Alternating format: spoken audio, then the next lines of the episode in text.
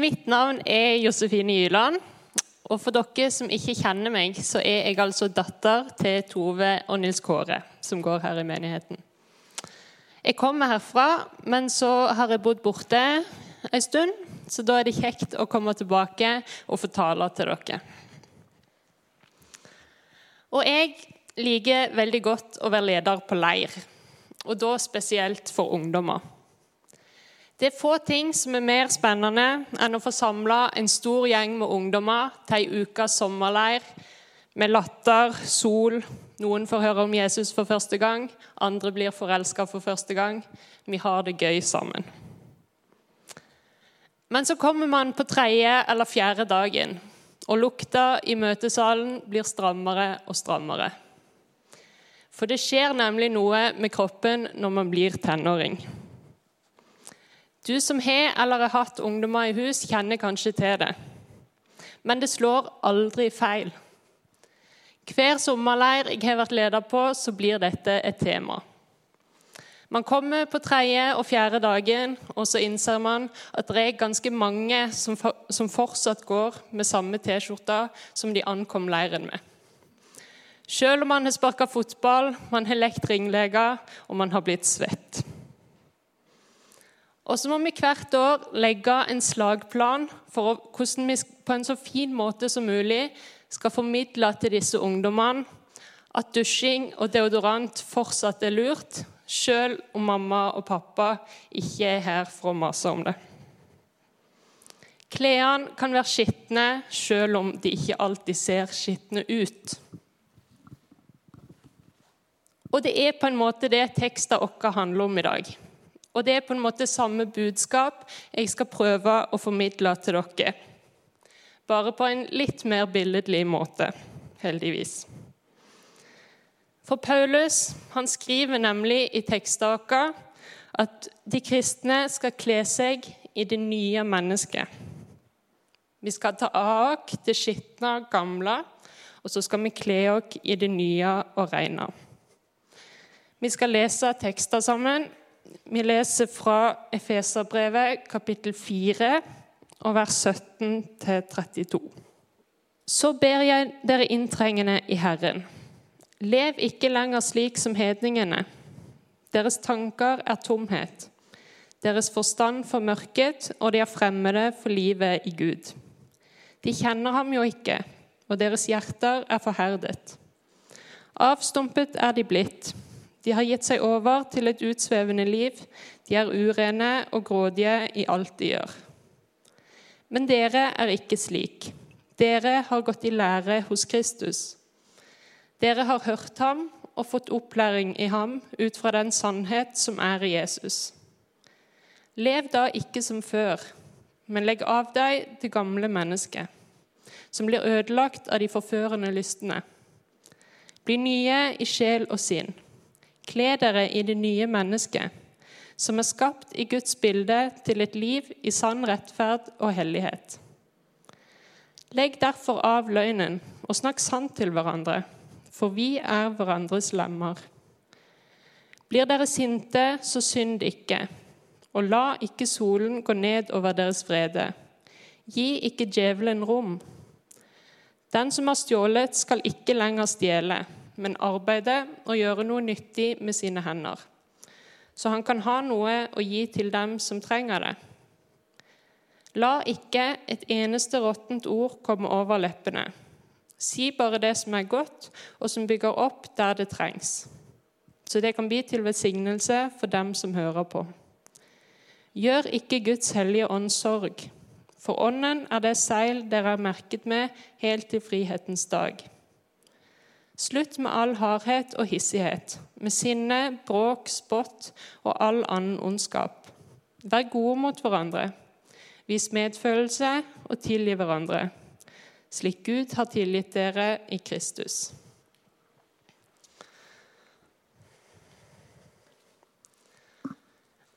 Man kan dele Efeserbrevet i to deler. Der første del, kapittel 1-3, handler om hva frelsen gir oss. Og andre del, kapittel 4-6, handler om hva frelsen gjør med livet vårt. Her lærer vi om hvordan kristne skal oppføre seg, både overfor Gud og overfor andre mennesker. Vi er nå i kapittel 4, så en slags overskrift kan være 'Kle dere i det nye mennesket', som Paulus skriver.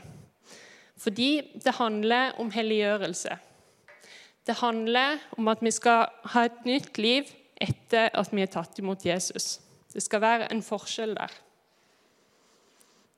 Og Først så vil jeg bare minne dere om at Bibelen den lærer oss faktisk at Jesus er en person. Han er ikke bare en lære eller en trosoppfatning. Han er ikke bare en individuell oppfatning der jeg former Jesus i mitt bilde, eller der du former han i ditt bilde. Nei, Bibelen den lærer oss at min tro og de tro verken kan eller vil forandre på hvem Jesus er. Han er, en, han er en person med en karakter og et vesen. Og det er hans karaktertrekk som Paulus beskriver i tekster i dag. Men så må jeg innrømme at jeg syns det er litt vanskelig å snakke om dette temaet. Fordi jeg syns ikke alltid at det er et så stort skille mellom folk som er kristne, og folk som ikke er det. Noen ganger er det det, men ikke alltid. Og så er jeg litt redd for at vi noen ganger lever i en illusjon der vi tenker automatisk at fordi jeg er kristen, så gjør jeg bedre handlinger enn andre. Men min erfaring er med meg sjøl at det stemmer ikke alltid. Men vi må snakke om disse tingene allikevel. Og kanskje nettopp derfor så må vi det. Fordi det er dette Paulus skriver om. Han ramser opp en del kjennetegn som vi kristne skal ha. Vi skal ikke stjele, men heller arbeide og gjøre noe nyttig. Vi skal slutte med all hardhet og hissighet og med sinne som fører til synd, bråk, spott og all annen ondskap. Vi skal leve et liv i sann rettferd og hellighet. Vi skal snakke sant til hverandre og bare si det som er godt. Og så skal vi være gode mot hverandre, vise medfølelse og tilgi hverandre. Jeg vet ikke med deg, men jeg blir litt svett av å lese denne lista. Fordi jeg kan ikke krysse av på alle disse punktene som er meint til å kjennetegne en kristen. Og Dessuten så blir jeg litt frustrert, fordi jeg tenker at det er urettferdig at jeg skal måtte sammenligne meg med Paulus, fordi han er på en måte kongen av et liv før og et liv etter Jesus. For Paulus han var jo en ivrig forfølger av de kristne. Men når han møtte Jesus, så var han vei, på vei til Damaskus nettopp for å fengsle de kristne. Men så møter Jesus ham på veien, og så snur han tvert om. Og så går han fra å være en forfølger til å bli en som sjøl blir forfulgt fordi han tror på Jesus. Det er ganske rått, og Nettopp derfor så tenker jeg at vi skal høre på Paulus når han skriver om dette temaet. Han vet hva han snakker om. Og Med dette i bakhodet så tenker jeg at vi skal begynne på ordentlig. Og Da har jeg satt opp tre punkter som jeg vil si noe om. Vi begynner med nummer én. Lev ikke lenger slik som hedningene. Teksten vår den går rett på sak. Lev ikke lenger slik som hedningene. Og Begrepet hedning det er ikke et ord som vi bruker veldig mye lenger. Men det ble altså brukt om en som ikke var jøde, en som levde uten loven og uten Gud. Og I den ene bibeltimen så snakka Torry Seland om hvordan hedningene i Efesos levde på denne tida som brevet ble skrevet. Efesos var en rik by med mye handel og fine havnemuligheter. De hadde et stort teater, bibliotek, stadion, og hovedgaten var brolagt med fine steiner, og langs siden var det store marmorsøyler. Byen den utstrålte all den prakt og rikdom som man kunne finne i verden. Og så hadde de et stort tempel for gudinna Artemis, som ble, dykta, som ble dyrka som ei fruktbarhetsgudinne. Og så var det mye prostitusjon og mye handel i forbindelse med tempelet. Efeserne hadde en del ting som de måtte vende seg bort fra når de begynte å tro på Jesus. Og faktisk så kan vi lese i apostelgjerningene kapittel 19 at de som tok imot Jesus, de tok og gikk inn i husene sine, og så rydda de ut alt som de ikke kunne forsvares av kristne å holde på med. Og så lagde de et gigantisk bål som de satte fyr på, og så brant de opp alt sammen. Og dette var verdier for flere millioner kroner etter dagens pengeverdi. Så alvorlig tok efeserne sin omvendelse. Og Så går det en stund. Paulus forlater Efesus. Han blir tatt til fange og ført til Roma. Og Det er der han skriver dette brevet, som vi kjenner som Efeserbrevet, og som dagens tekst er en del av. Og hvor han på ny må minne de kristne om at de skal ikke leve slik som hedningene. De skal leve annerledes fordi de har gått i lære hos Kristus. Men hvordan ser dette ut for oss her i dag? Jeg kjenner ikke alle dere som er her. Jeg kjenner ikke troshistorien din. Jeg vet ikke om du har hatt en radikal omvendelse eller om du har kjent Jesus hele livet. Men hva er det vi må vende oss bort fra? Hvordan skal vi leve som kristne? Enkelt sagt så tror jeg at vi skal leve sånn som Paulus beskriver.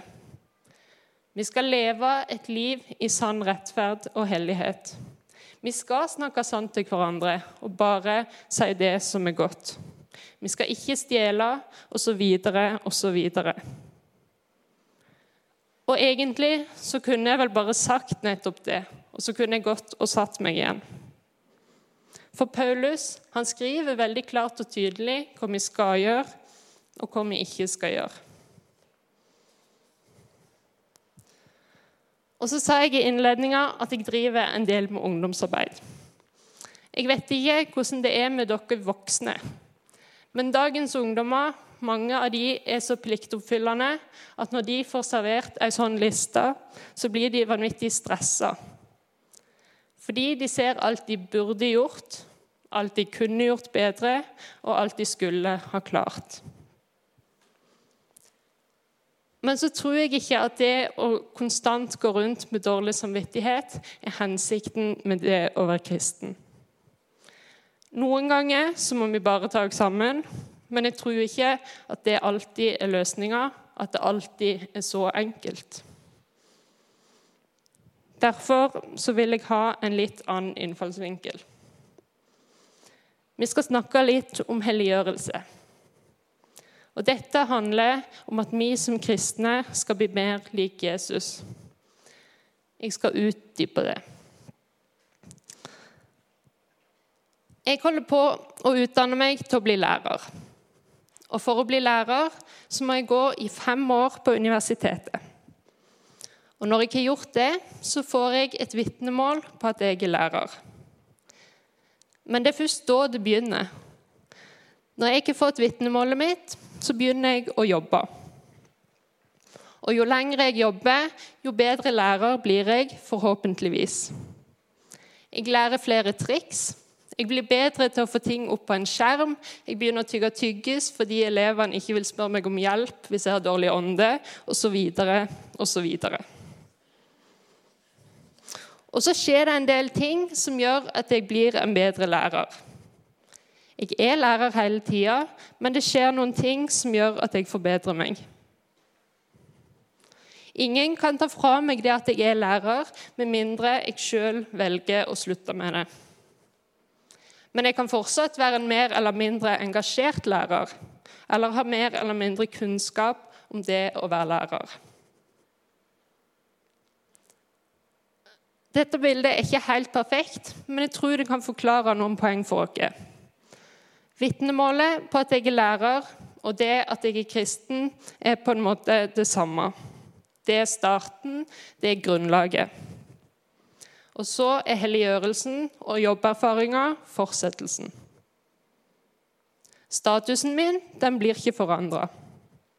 Jeg er lærer, jeg er en kristen, men det skjer en forandring.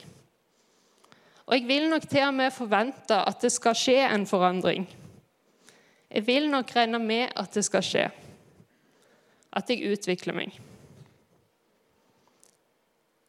Men hvordan ser dette ut i praksis? Det første jeg vil si, er at helliggjørelsen det er ikke ditt prosjekt. Det er ikke du som skal helliggjøre deg. Du blir helliggjort av Jesus.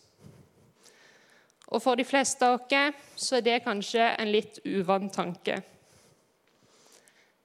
Det faller oss liksom ikke naturlig. For vi er ikke vant med å tenke på vår egen utvikling som noe vi ikke bestemmer over. Så da, når vi hører at helliggjørelsen handler om å utvikle seg som kristen, så slår det på en måte inn hos de fleste av oss helt automatisk. At vi stiller spørsmål som OK, hva skal jeg gjøre nå? Hvilken oppskrift skal jeg bruke? Hva er det som forventes av meg sånn egentlig? Hvordan skal jeg få dette til? Men så er det sånn, sånn som det ganske ofte er med ting som har med Jesus å gjøre, at reglene hos han er ikke helt de samme som vi har ellers. For helliggjørelsen det er ikke ditt prosjekt, og det er heldigvis ikke mitt prosjekt. Det er en utvikling som ikke er ditt ansvar, sjøl om det er noe som skjer med deg. Vi kan tenke på det som et vennskap. For egentlig så er det vel langt på vei nettopp det det er. Det er et vennskap med Jesus. Og akkurat som i alle andre vennskap så blir man bedre kjent jo mer tid man bruker sammen. Og så kjenner du kanskje igjen fra dine andre vennskap at når du blir god venn, så begynner dere kanskje å snakke litt likt. Dere begynner å høre på samme musikk. Dere begynner kanskje å gå i lignende klær. Her er et bilde av meg og venninna mi Hanne på UL på festival. Dette var ikke planlagt, men vi møtte begge opp i like klær. Samme shorts, samme sko, samme klokka, samme T-skjorte. Jeg vet ikke om det er vanlig, men dette kan altså skje når man er gode venner. Og vennskap det er sjelden noe som står stille. Det har alltid en retning. Noen ganger beveger man seg nærmere hverandre fordi man bruker tid sammen, mens andre ganger så trekker man seg kanskje litt unna fordi man lukker seg inne eller misforstår, eller fordi man ikke har prioritert hverandre. Og nå er det ikke sånn at vi skal begynne å spare til skjegg og gå i sandaler fordi vi blir god venn med Jesus. Men det skjer noe med oss på andre måter når vi vokser i vennskapet med Han. Vi forstår mer av hvem han er. Vi blir tryggere på at han liker oss, og vi blir friere i møte med andre krav. Når vi er kristne, så har vi fått en ny identitet i Jesus. Den hellige ånd forandrer hvordan vi tenker, og hvordan vi lever livet vårt. Og I vanlige vennskap så er det sånn at begge har ansvaret for at det skal fungere. Men i vennskapet med Jesus så har han lova å ta hele ansvaret. Han skal dra lasset, han skal sette retningen. Så helliggjørelse det er ikke et selvhjelpsprosjekt eller et selvrealiseringsprosjekt. Det er ikke en sjekkliste over ting du har nødt til å få til for å kalle deg en kristen. Men det handler om å vokse i vennskapet med Jesus, og det handler om å ha retning mot ham.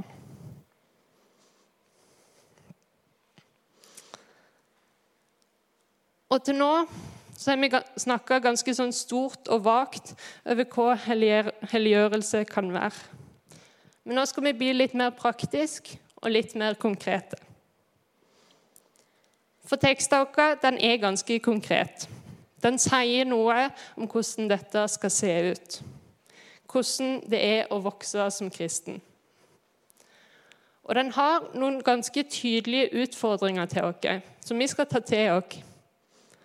Og disse er ikke alltid så enkle, men felles for de alle er at de er gode. Og hvis du har lyst å lære mer om hvordan dette å vokse som kristen skal se ut, så er trikset faktisk å lese i Bibelen. Å lese om Jesus og lese om alle de andre forbildene vi finner der. Og så er ikke poenget at vi alltid skal oppføre oss helt likt som de. Men vi kan være litt kreative, og så kan vi tenke og prøve å finne ut av hva de ville gjort i vår situasjon. Hvordan ville Jesus vært som butikkarbeider, sykepleier, pensjonist, sjef, medarbeider osv. osv. i Flekkefjord eller i Norge i dag? Hvordan ville han vært som innbygger i byen? Hvordan ville han møtt de som faller utenfor? Hvordan ville han møtt de med høy status?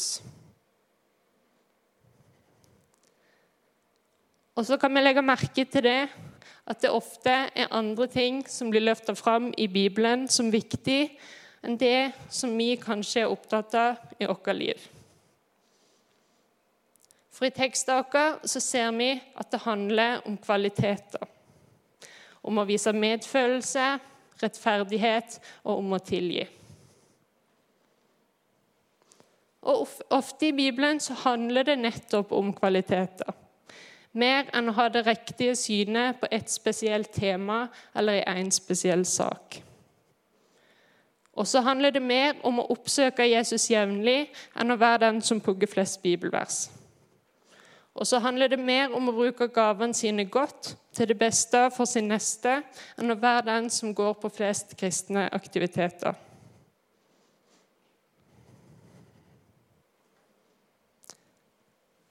Vi har så lett for å forme dette i vårt eget bilde, og ikke i Gud sitt.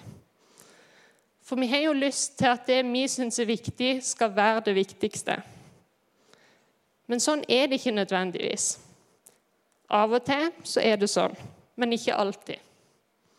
Så da er vi nødt til å spørre Gud, bruke tid med Han, søke Han for å finne ut hva er det egentlig som er viktig. Hva er det Gud vil med oss?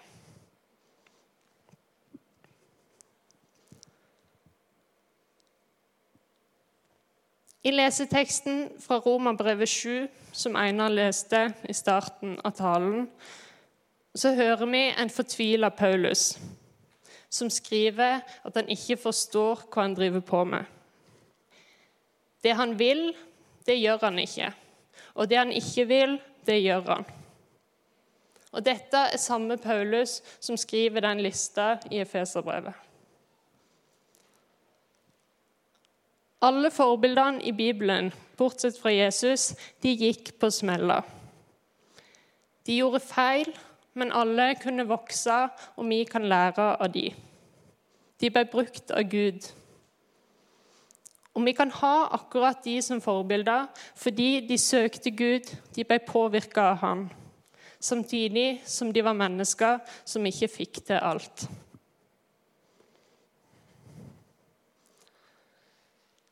Jeg har en kamerat som sier at nåden er som støvet i en trappeoppgang. Det er sykt mye av det i kjelleren, og det kommer alltid mer. Det er ganske enkelt sagt og ganske hverdagslig bilde. Men det er noe i det, heldigvis. For til sjuende og sist så er vi alle sammen mennesker som trenger mye av Guds nåde. For vi må nok innse at det å bli mer, bli, mer lik Jesus, det er et prosjekt som aldri tar slutt. Du kommer aldri til å bli i hermetegn en perfekt kristen.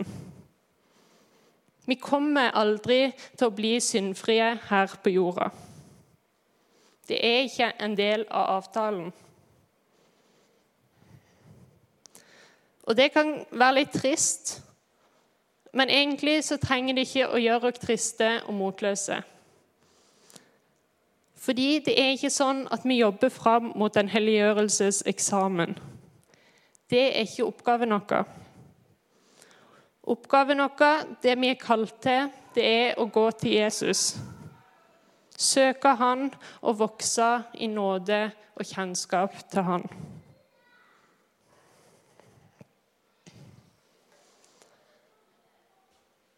Jeg vil at vi skal avslutte med det siste verset i teksten vår. Der står det Vær gode mot hverandre, vis medfølelse og tilgi hverandre, slik Gud har tilgitt dere i Kristus.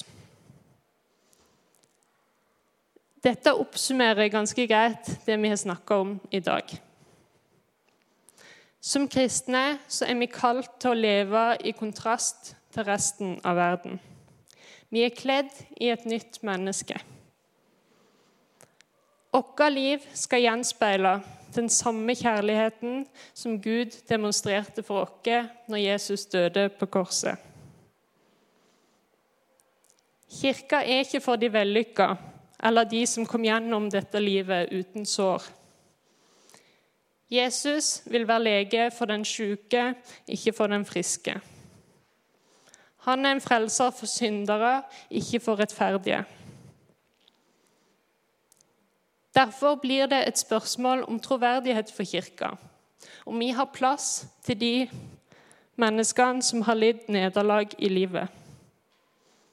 For hvis det ikke er plass til de, så er det i bunn og grunn ikke plass til andre heller. Vi er tilgitt til syndere. Og Derfor skal vi møte vår neste med medfølelse og tilgivelse sånn som Gud møter oss. Amen.